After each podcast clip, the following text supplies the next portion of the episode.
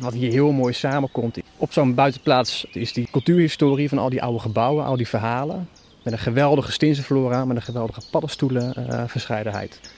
Uh, nou ja, alles valt hier heel mooi samen wat dat betreft. Dit is Rien de Vries, boswachter publiek bij Staatsbosbeheer voor Nationaal Park Zuid-Kennemerland. Je luistert naar de Stinsen Potwalk, een podcast van Stichting Kastelen, Buitenplaatsen en Landgoederen. Aflevering 3. Cultuur of natuur? We zijn vandaag op bezoek bij buitenplaats Elswoud in de Binnenduinrand. Een plek waar 400 jaar aan geschiedenis door en over elkaar heen ligt en bovenal een plek met een enorme rijkdom aan Stiense planten. Dat is ook weer typerend voor, voor die binnenduinrand waar we nu ook zijn. Uh, we zitten vlakbij Haarlem.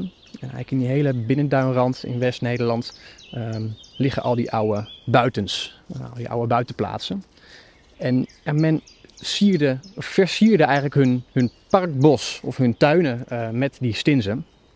Um, en zo vind je hier naast buitenplaats Elswoud ook Duinvliet, Duin en Kruidberg, um, Koningshof, Bekenstein. Allemaal buitenplaatsen, dan wel landgoederen die enorm versierd zijn in uh, nou ja, de afgelopen paar honderd jaar met stinsen. Kenmerkend voor stinse planten is dat ze zijn aangeplant in oude tuinen van bijvoorbeeld buitenplaatsen. Daar zijn ze verwilderd en ingeburgerd in het lokale ecosysteem. De binnenduinrand is een bekende vindplaats voor stinsenplanten. Sommige populaties staan hier al honderden jaren. Om deze soorten te behouden en te vermeerderen is goed beheer van cruciaal belang. Het verschalen van grasland bijvoorbeeld. We hebben specifiek maaibeheer op bepaalde weilanden. Bijvoorbeeld het grote stuk achter het grote landhuis van Elswoud. Um, dat, dat verschalen we. Uh, dus we maaien dat, voeren het af, lopen wat schapen op. Um, en het staat vol met stinsen. En we zien dat die stinsen daarop goed gedijt. Bijvoorbeeld de kievitsbloem, uh, die heel veel mensen kennen uh, vanuit het oosten van het land. Die staat hier ook veel als stins aangeplant. En die gedijt daar heel goed op. Maar dat is niet alles. Ook de machines zijn afgestemd op de stinsenplanten. Veel stinsen staan ook aangeplant vlak aan de randen van de paden. Um, want ja, de stins is het was er natuurlijk om de boel te versieren. En dat is mooi als je die mooi kan bekijken. Dus het is ook hier van groot belang dat onze paden niet steeds breder en breder en breder worden. Uh, want dan raken we die stins kwijt. Die bodem verdicht. Uh, dus we werken hier met, uh, met klein materieel. Dus we gaan hier niet met een grote 4x4 de buitenplaats op. Maar hebben kleine elektrische voertuigjes, zodat we die padenranden heel houden. en moeten we er dan een keer met, met groot, grote machines in. Nou, dan moeten we heel goed kijken waar we rijden en hoe we dat nou ja, hoe we die stinsen niet beschadigen. Ook voldoende licht op de bodem is van groot belang om de stinsen in het voorjaar een kans te geven. Die zon moet op de bodem komen van zo'n bos, van een bosbodem. En daar moet hij kunnen opwarmen, die bolletjes moeten op kunnen warmen en denken, hey, het is voorjaar. En hoppata, naar boven. Als je een heel dicht bos hebt met soorten die al heel vroeg in het blad zitten, bijvoorbeeld een soort als, uh, uh, als esdoorn, um, ja, dan komt er niet voldoende licht op die bodem en raak je ook weer stinsen kwijt. Dus daar beheren we ook weer op bepaalde plekken op dat je die stins niet verliest. En soms kunnen we ook zeggen, op sommige plekken maaien we een tijdje niet. We hebben bijvoorbeeld een picknickveld, um, maar die maaien bepaalde stukken, bepaalde perioden niet, omdat daar het klokkenspel omhoog komt. Nou ja, allemaal dingen waar je rekening mee houdt in het beheer van zo'n buitenplaats. Timing is belangrijk bij stinsen. De meeste verschijnen in het vroege voorjaar als andere planten en bomen nog in diepe rust zijn. Waarom doen ze dat? De rest van het jaar, wat gebeurt er met die stinsen? Nou, die stinsen zijn bolgewassen of knolgewassen, of hebben echt een wortelstok. Uh, die stinsen die bloeien. En wat zijn die uitgebloeid, bevruchting plaatsgevonden. En die stins gaat eigenlijk weer in rust. Die heeft nieuwe bolletjes gemaakt, nieuwe bolletjes afgezet. Um, en daar verzamelt hij eigenlijk zijn energie weer in om in dat voorjaar weer op gang te kunnen. Want hij kan ook helemaal niet echt meer groeien, want al die bladeren in dat bos, het zit weer vol in het blad, komt geen zon meer op de bodem. Ja, dan is groeien vrij lastig. Dus dan zitten ze eigenlijk in rust. Wachten op het vroege voorjaar. In sommige gevallen zelfs de winter, zelfs in februari soms al. Um, dat er net een beetje zon is, of er net genoeg zon is om iets op te warmen. En dan snel als een malle de grond uit, want anders zitten die bomen alweer in het blad. Stinse planten willen dus graag het eerste zijn. Toch bloeien niet alle stinsen in het voorjaar. Eigenlijk het jaar rond, als je goed kijkt, kom je die stinsen wel tegen. Uh, zo zie je bijvoorbeeld in de herfst uh, bijvoorbeeld een herfstkrokus bloeien. Um, of, in het, uh, of, in, de, in de winter, februari, de winteraconieten. Net zagen we die hartbladzonnebloemen. En dat zijn dus echt die soorten die je eigenlijk het jaar rond ziet op zo'n buitenplaats. In het voorjaar schitterend bloeiend. En dan in de zomer eigenlijk een beetje verdwenen. En dan zit je zo in de herfst. En dan zie je in één keer weer die rosetten omhoog komen. En dat zie je dus hier heel mooi met die aronskelken. Maar ook soorten als de hartbladzonnebloem. Uh, die zie je nu ook alweer. Blad komt omhoog en je zit gewoon in de wacht. In de wacht op het voorjaar. Dat die zon weer een beetje warm wordt. En dan, boem, knallen ze de grond uit. En zo zie je dat je eigenlijk bijna het jaar rond, als je goed kijkt, stinsen kan blijven zien. En in de herfstperiode bloeien hier bijvoorbeeld ook de, uh, de cyclamen. Zie je in één keer weer kleine witte bloempjes ergens langs het pad. Of op een hele typische plek, bij een deelt bijvoorbeeld op de buitenbaats of bij een van de follies. En dan bloeien weer die mooie cyclamen. De binnenduinrand is voor West-Nederland dé plek om stinsenplanten te treffen. Elswoud alleen telt al ongeveer 60 verschillende soorten stinsenplanten. Rien legt uit hoe dit zo is gekomen. Vanaf de Gouden Eeuw um, ging men op zoek naar een plek buiten de stad. De stad was vies, de stad stonk helemaal in de zomerperiode. Natuurlijk al die open grachten. En men zocht een plek om de stad te kunnen ontvluchten. Um, en daar vond men de binnenduinrand voor. Maar ook aan de andere kant van Amsterdam richting Utrecht, langs de Vecht. Um, rondom, dus rondom al die steden ging men die buitens bouwen. Nou ja, en daar hoorde een tuin bij. Want ja, je had, is natuurlijk zo'n mooie plek, je had een bult geld. En dan is het natuurlijk heel mooi om dat mooi te kunnen versieren. Uh, en dat deed men in verschillende tuinstijlen. En die tuinstijlen liggen nu vaak allemaal door elkaar. Eerst in die Franse stijl, die hele strakke stijl, strakke rechte lijnen. En later in de Engelse landschapsstijl, of de landschapsstijl. Um, en dat is ook een beetje de periode waar men die stinsen heel veel aan ging planten. Want het moest natuurlijk lijken. En hoe mooi is het nou als je door zo'n bos loopt, helemaal in het vroege voorjaar. En zo'n bos heeft al kleur. Dus een bos is dan misschien wel blauw van de, van de boshyacint of wit van het daslook. Um, en zo is dat hier uh, begonnen. En dat vind je dus op al die buitens in die hele binnenduinrand. Eigenlijk wel zo'n beetje tussen, nou laten we zeggen, IJmuiden en Den Haag. Vind je wel die buitenplaatsen. Door verschillen in aanplant en beheer door de eeuwen heen hebben veel buitenplaatsen een eigen karakter. Hierdoor zie je niet overal dezelfde stinsenplanten. En het leuke is dat je op elk buitenplaats of landgoed in die binnenduinrand wel weer van die typische uh, eigenschappen ziet. Als hier op Elswoud is in de jaren 80 nog heel veel aangeplant. Maar ga je naar een, uh, uh, een andere buitenplaats, kan het best zijn dat het daar alleen maar helemaal in die beginperiode, dus midden 1800 aangeplant is en daarna volledig verwilderd is. Um, dat zou bijvoorbeeld zo kunnen zijn op, op een plek als Koningshof of Duin en Kruidberg, waar je nog wel van die restjes vindt, maar niet meer de enorme rijkdom uh, uh, die het misschien ooit geweest is. Dus daar zijn de soorten die stand konden houden in het, in het wild, zijn daar uh, blijven hangen. En zo zie je op elke buitenplaats heeft weer zijn eigen kenmerken. En de ene soort vind je op de ene buitenplaats. En de andere soort vind je op de andere buitenplaats. Zo vinden we bijvoorbeeld hier op Elswoud vinden we geen, geen blauwe anemoon meer. Hier ooit wel aangeplant. maar gaan we naar de overkant van de weg, naar een andere buitenplaats, Duinvliet, staat die blauwe anemoon weer wel. En zo is voor elke soort is er eigenlijk wel weer een hotspot. Zo zie je hier heel veel stengeloze sleutelbloem. We lopen nu ook langs een van de de, de vaarten die op Elswoud, Elswoud zijn. Ja, en hier kan het helemaal geel zijn van de, uh, van de stengeloze sleutelbloem. Stinse-expert Piet Bakker schrijft in een artikel uit 1998 over het verschil tussen natuur en cultuur. Het essentiële verschil tussen beide begrippen is dat natuur een resultaat is van zelfordening en cultuur een resultaat van bewuste ordening door de mens. Einde citaat.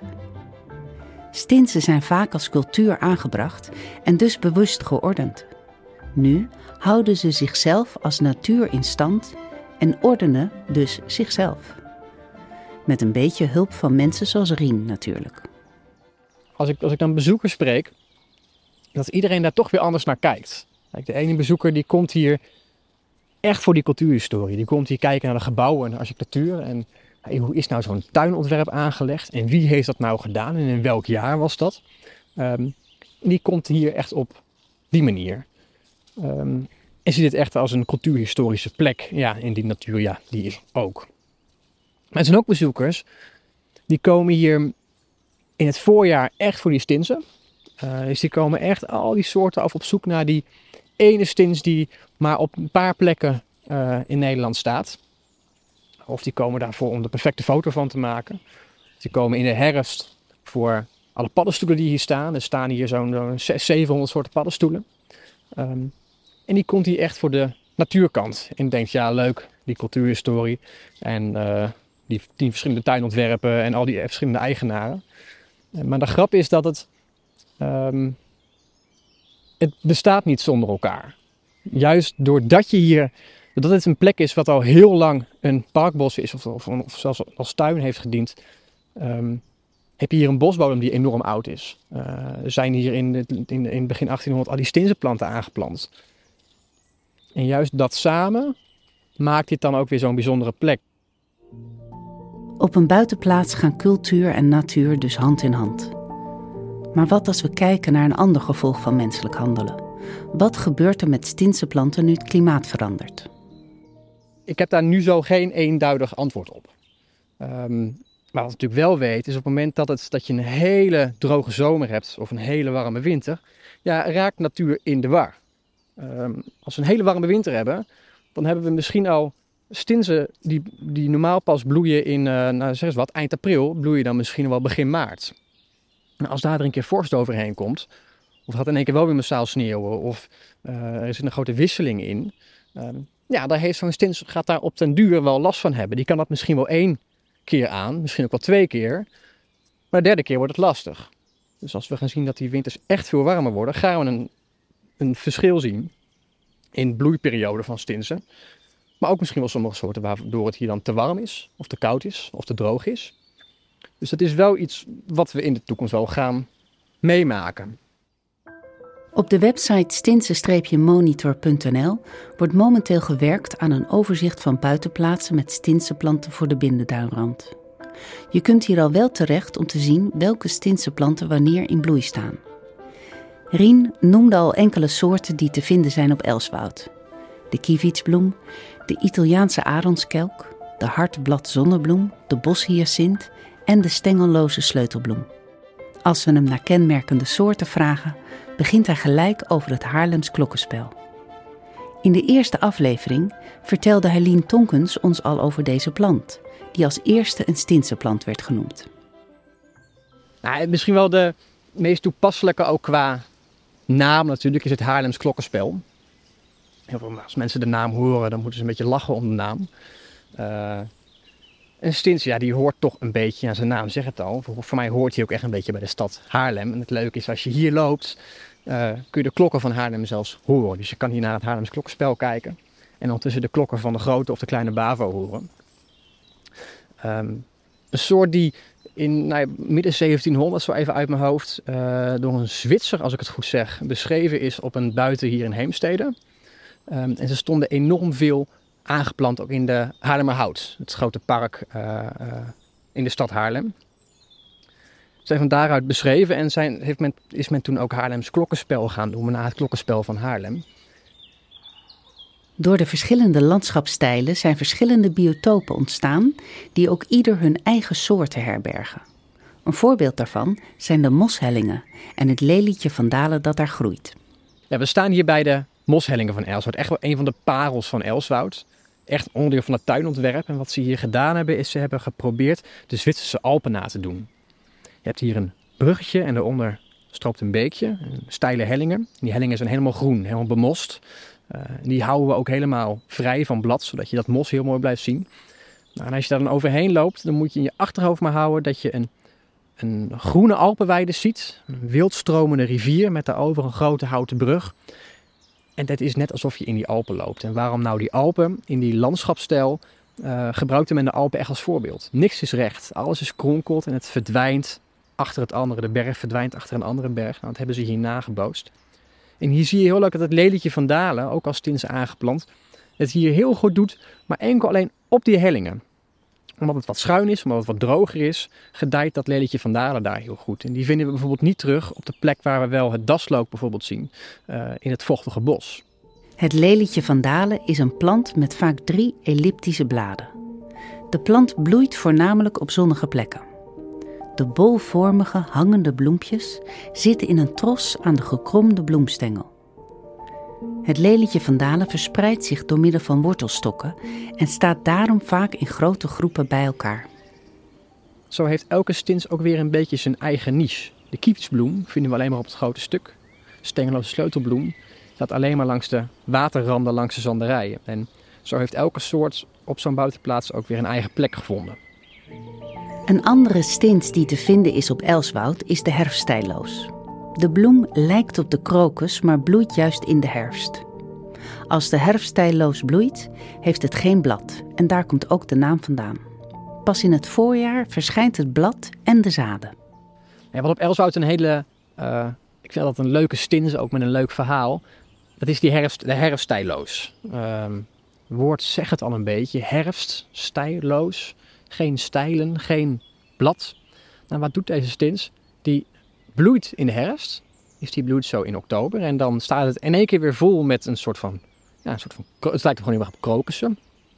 Um, en in het voorjaar, waar ik meer iets, ietsje later meer, um, zo begin zomer, um, dan zie je alleen maar het blad en de zaaddozen boven de grond komen.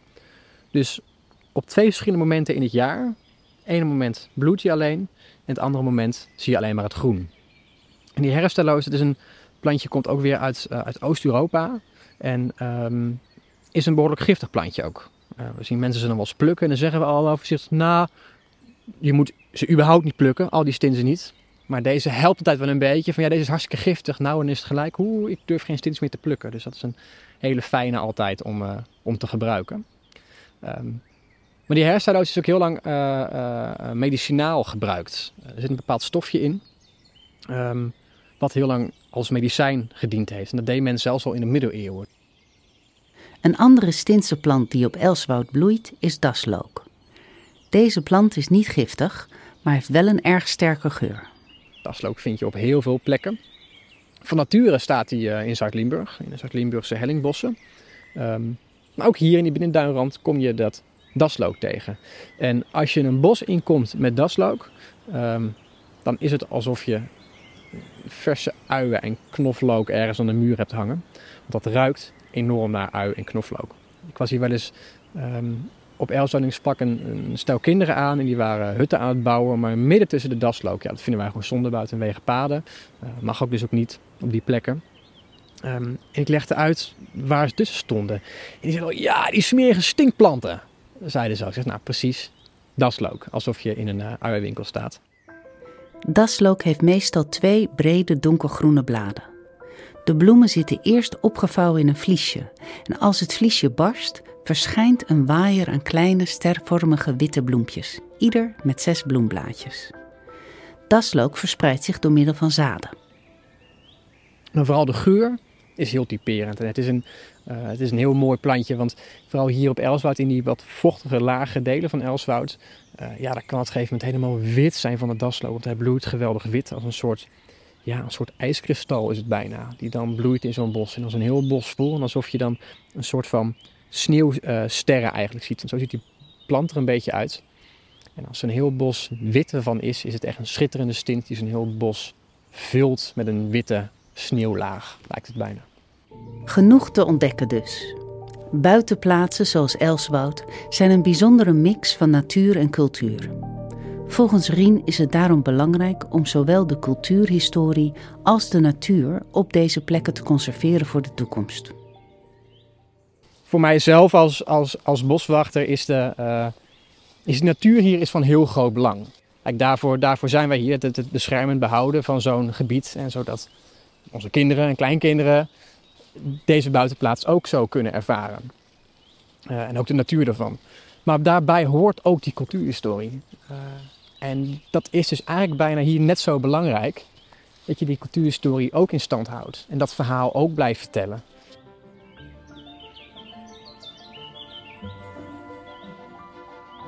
Dit was de laatste aflevering van de Stinse Potwalk. Is dit de eerste aflevering die je luistert? Beluister dan ook de andere twee afleveringen. Je luisterde naar de Stinse Potwalk, een podcast van Stichting Kastelen, Buitenplaatsen en Landgoederen. Kijk voor meer informatie op skbl.nl. Deze podcast is gemaakt in opdracht van SKBL. Productie Twan de Veer. Redactie René de Landmeter. Projectleiding Vuur Rood.